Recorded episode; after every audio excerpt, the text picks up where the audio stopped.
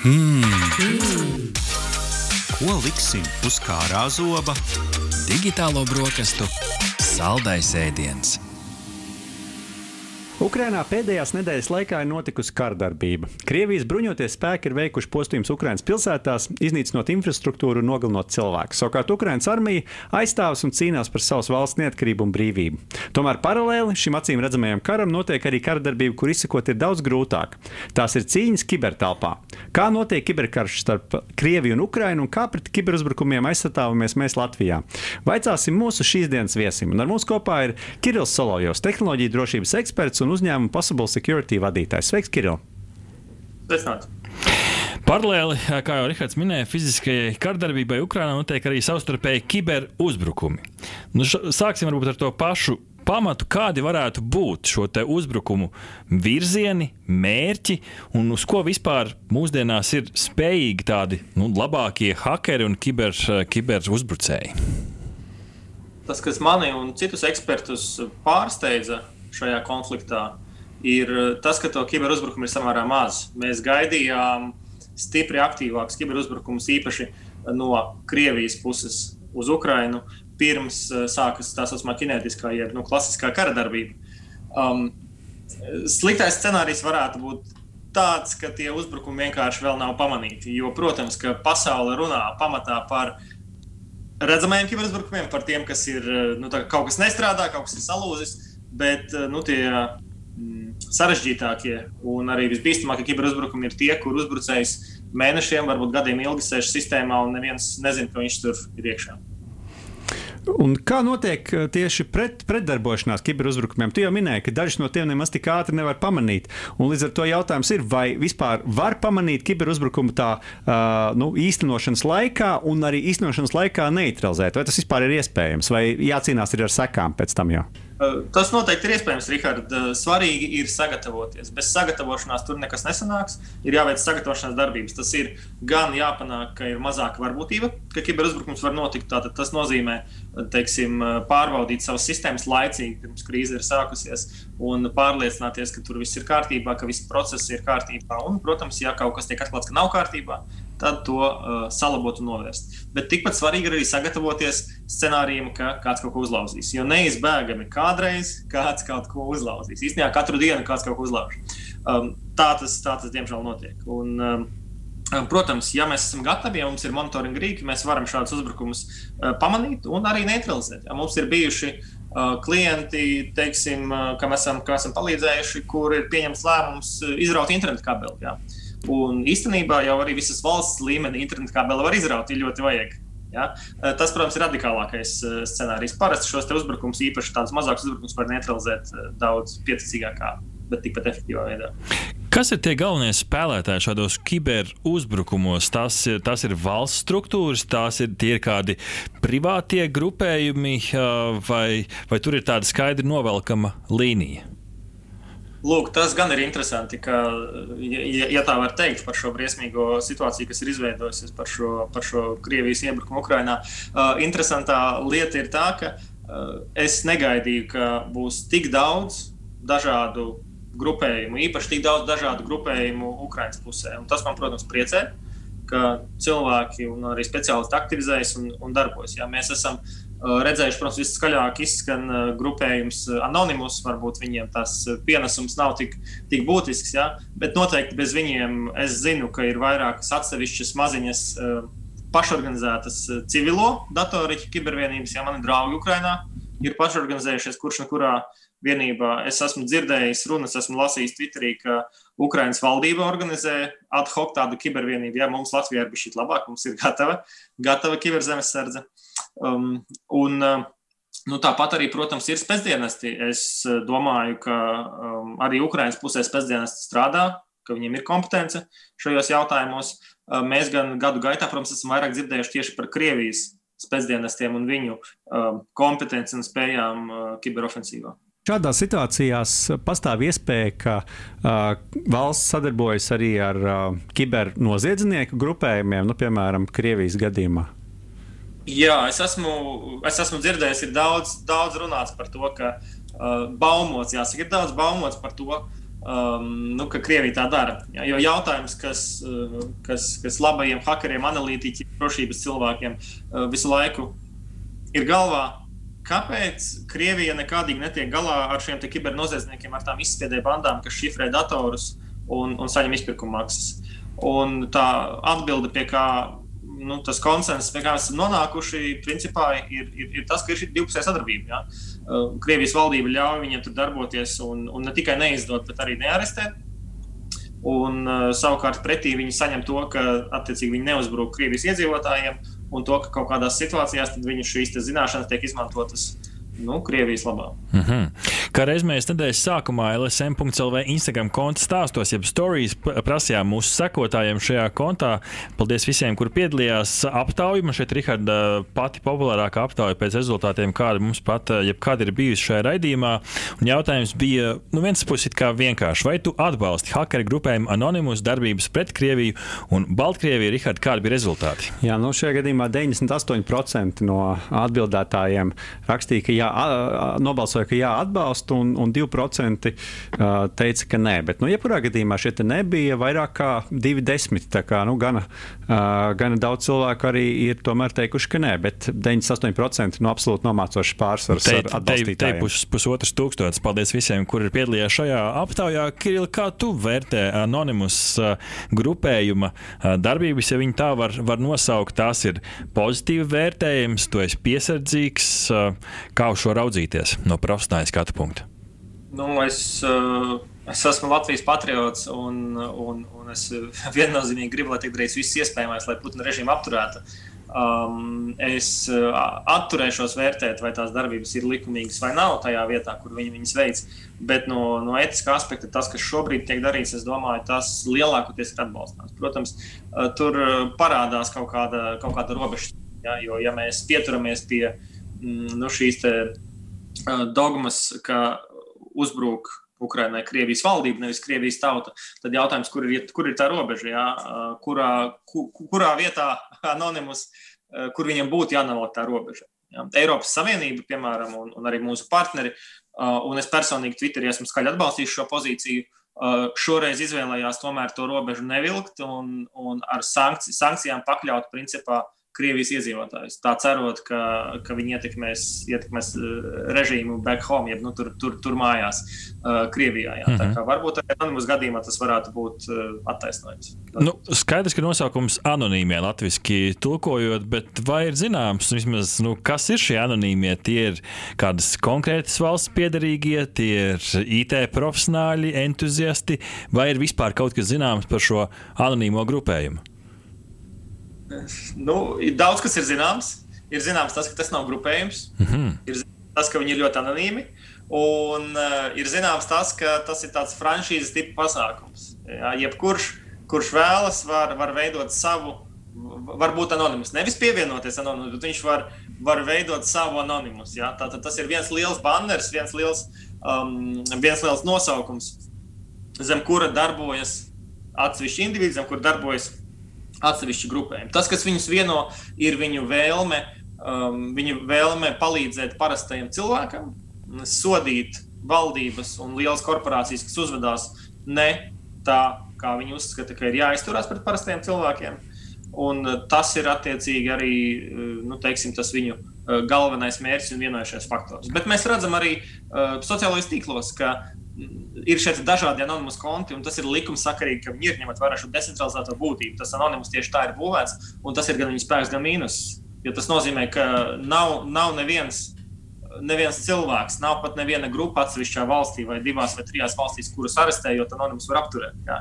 Jo anonimus ir, ir veidots decentralizēti tieši šādiem dēļ, bet tas ir arī viņa lielākais trūkums. Mm -hmm jebkurš var būt anonimus, arī, arī Krievijas sestdienas var būt anonimus, jā, arī, arī Ukraiņas sestdienas var būt anonimus. Un, un tā skaitā arī eh, nu, tā saucamie uh, kibernoziedznieki parastie, kas mēģina apzakt uh, mani, jūs un, un mūsu klausītājus, arī var, protams, izlikties par, par anonimus. Uh, šādas situācijas ir bijušas vēsturiski, mm -hmm. un tad tie anonimi savukārt pieturās ciešāk pie savām vērtībām, tad ir attiecīgi uzbrukuši tiem, mm -hmm. tiem kas it kā tas anonimus, bet viltus lietot pēdiņā šajā uh -huh. gadījumā, ņemot vērā, ka nu, katrs tur uzstāda savus mērķus. Tomēr.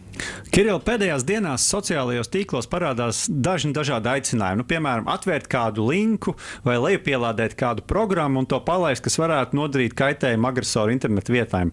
Cik nopietni tas ir un uh, no kā šādos gadījumos būtu jāuzmanās? Nu, saites vērt vaļā vispār vajag piesardzīgi īpaši. Ja ja tās saites ir nepazīstamas. Jā, viss, kas tur var būt. Uh, ja mēs runājam par, par tām saitēm, kuras uh, anonimus dalībnieki ir izveidojuši, kas ir veidotas ar domu, lai pavisam vienkārši jebkurš internetu lietotājs var piedalīties uzbrukumā, uh, nu, jārēķinās tikai, tikai ar to, ka tas iespējams varētu būt, būt noziegums. Ja? Bet, lai gan ir ļoti interesants, tas arī ļoti interesants juridisks kāzus. Es pats neesmu jurists, bet es labprāt uzzinātu, ja nu, šādā situācijā, ja cilvēks vienkārši atver internetu lapu kā, nu, kā var, mm. kā var viņu, viņu par to sodīt. Jā? Viņš, viņam nav obligāti jāzina, kas tur tajā lapā notiek. Sanāk tā, ka nu, atverot to lapu, tiek nu, noslogots kaut kādas nu, vai nu Krievijas valdības vai kādas citas institūcijas internetu vietni, un tāpēc viņa nu, tautas valodā sakot, uzkarās. Tā ir tā, tā ir tā doma, vai tur ir kaut kas cits apakšā slēpjas zem tā linka. Tā, tieši tā, pilnīgi, pilnīgi pareizi. Jā, ir kaut kāda trešās puses vietne, un tur ir ieprogrammēts, ka cilvēks, kas viņu attaisno vaļā, viņš slēdzas klāt pie kaut kādām, teiksim, Krievijas valdības vietnēm fonā. Un, un tie daudzie pieprasījumi, ja viņi attaisno 1000, 10 000, 100 000 cilvēku reizē, mm -hmm. tad uh, agri vai vēl tā lapa tiek pārslogota. Nav, nav noslēpums arī, ka mūsdienās tāda liela sabiedriskā doma veidojās tieši sociālajos tīklos. Man, starp citu, Rihards, pirmo reizi man šeit vairāk gadu laikā viens no maniem sociālo tīklu kontiem arī tika uzlausts. Uh, man uh, no šī konta tika izsūtīts dažādiem maniem draugiem paziņojumi. Tie gan nebija saistībā ar karu, bet, uh, bet vienkārši tur aicinājums tur, atbalstīt vienu konkrētu, konkrētu sociālā tīkla lapu. Šķiet, ka šādi piemēri ir ar vien vairāk apkārt. Kas varbūt ir, ir tie, tie biežākie nu, veidi, kā cilvēki cieši sociālajos tīklos. Tas ir vienkārši uzlausts, uzlausts konts un, un nomainīta parole. No kā cilvēkiem vajadzētu uzmanīties, lai viņi nekļūst par upuri? Vai man liekas, ka mūsdienās cilvēki sociālajos tīklos cieš eh, pirmkārt visvairāk no dezinformācijas, otrkārt no, no mhm. dažādiem apvainojumiem uzbrukumiem, tādiem nu, personiskiem uzbrukumiem. Bet, ja runā tieši par kiberdrošību, eh, tad eh, jā, zakti, zakti konti ir lielākais risks. Ir dažādas metodas, kā kibernoziedznieki tos kontus var zakt. Un, eh, principā, labākais veids, kā sevi pasargāt, un šeit runājot par lielajiem sociālajiem tīkliem, atpazīstamajiem, lielajiem, lielie pasaules vārdi, rietumēropas vārdi, eh, tur vislabākais, ko darīt, ir mm, uzinstalēt speciālu aplikāciju vai arī pievienot savu telefonu numuru, lai saņemtu eh, kodu uz telefonu katru reizi, kad jūs, kad jūs vai kāds cits ar pareizu paroli piesakās jūsu sociālā tīkla kontā. Tādā veidā viņi pārliecināsies, ka tiešām tas esat jūs un būs šis papildus drošības sajūta un arī papildus faktors, kas noteiks, vai cilvēks tiek iekšā vai netiek iekšā. Šonadēļ vien vadīju IT drošības apmācības un vienam uzņēmumam, un, un, un viens no darbiniekiem uzņēmumā tieši minēja, ka, nu, ka viņam bija šāda situācija, un nebija divu faktoru autentifikācija. Un, un, ka veiksmīgi no, no kādas, es neatceros, kas par valstī, Indija vai, vai, vai varbūt tā bija Izraela, mm -hmm. kad cilvēks iegāja, iegāja iekšā svešā kontā. Kiril, cik apdraudēti ir nu, tādi plašsaziņas līdzekļi, kā, kā tieši kā mēdīja, kā uh, televīzija, radio? Mēs dzirdējām par šo gadījumu ar anonimus, kuri, kuri, uh, kuri uzlauza, nu, acīm redzot, vienu šo te, nu, tie, te, televīzijas nodrošināšanas platformu. Uh, bet jā, cik, cik vispār mēdīja ir, ir uh, saka, tra, trausli jā, mm -hmm. pret, vai, vai, vai vārīgi pret šādiem kiberuzbrukumiem? Nu, par, par to, cik mēdīji ir vai nav trausli, tad droši vien ir, ir, ir jājautā mēdījiem. Varbūt jūs, puiši, zinat. Mm -hmm. uh, bet varu, es varu runāt par to, teiksim, cik ļoti viņi ir pakļauti kiberuzbrukumam. Mm -hmm. Un viennozīmīgi, ja mums būs jāstāsta top 5, es viņu nevaru tagad sataisīt, bet man ir sajūta, ka tajā top 5, ja mēs runājam par Latviju, mēdī noteikti ir iekšā. Ja, ja kāds nāks un gribēs kaut ko, kaut ko, uh, kaut ko sliktu izdarīt, tad, tad, tad, tad man ir sajūta, ka viņiem interesētu uh, mēdīji. Ja mēs redzam, kā Krievija pilnīgi pagaidām. Par laimi, pilnīgi izgāžas uh, mēdīju, mēdīju karā, jā, mm -hmm. arī, arī visā šajās operācijās savā um, karā Ukrajinā. Mm. Mūsu sarunas sākumā tu Krili, jau minēji par to, ka no vienas puses Prosnā ir pārsteigta par to mazumu, kiberuzbrukumu mazumu pirms, pirms kara sākšanās, un varbūt, ja mēs varam pieskarties vairāk par tādām reālās dzīves sekām, par, par infrastruktūru, kas varbūt tavuprāt ir nu, iemesls, kāpēc nebija tādas vairāk darbības, kur, kur rezultātā ir kaut kāda infrastruktūras bojājuma? Nu, Tepat te man šeit, Rihard, mēs Pagājušajā gadā digitālās brokastīs stāstījām par ASV gadījumu ar Colonial Pipeline, kur uh, kiberuzbrukuma rezultātā vesels hauss sākās visā Amerikas dienvidu austrumu krastā. Cilvēki pirka degvielu, jo, jo vienkārši nebija, nebija piegādes, laikam, ja, pareizi atceros. Nu, šāds piemērs bija. Nu, vai, kāpēc nav šādu piemēru vairāk? Protams, tas ir labi, ka nav, bet, uh, bet vai tur ir kāds iemesls?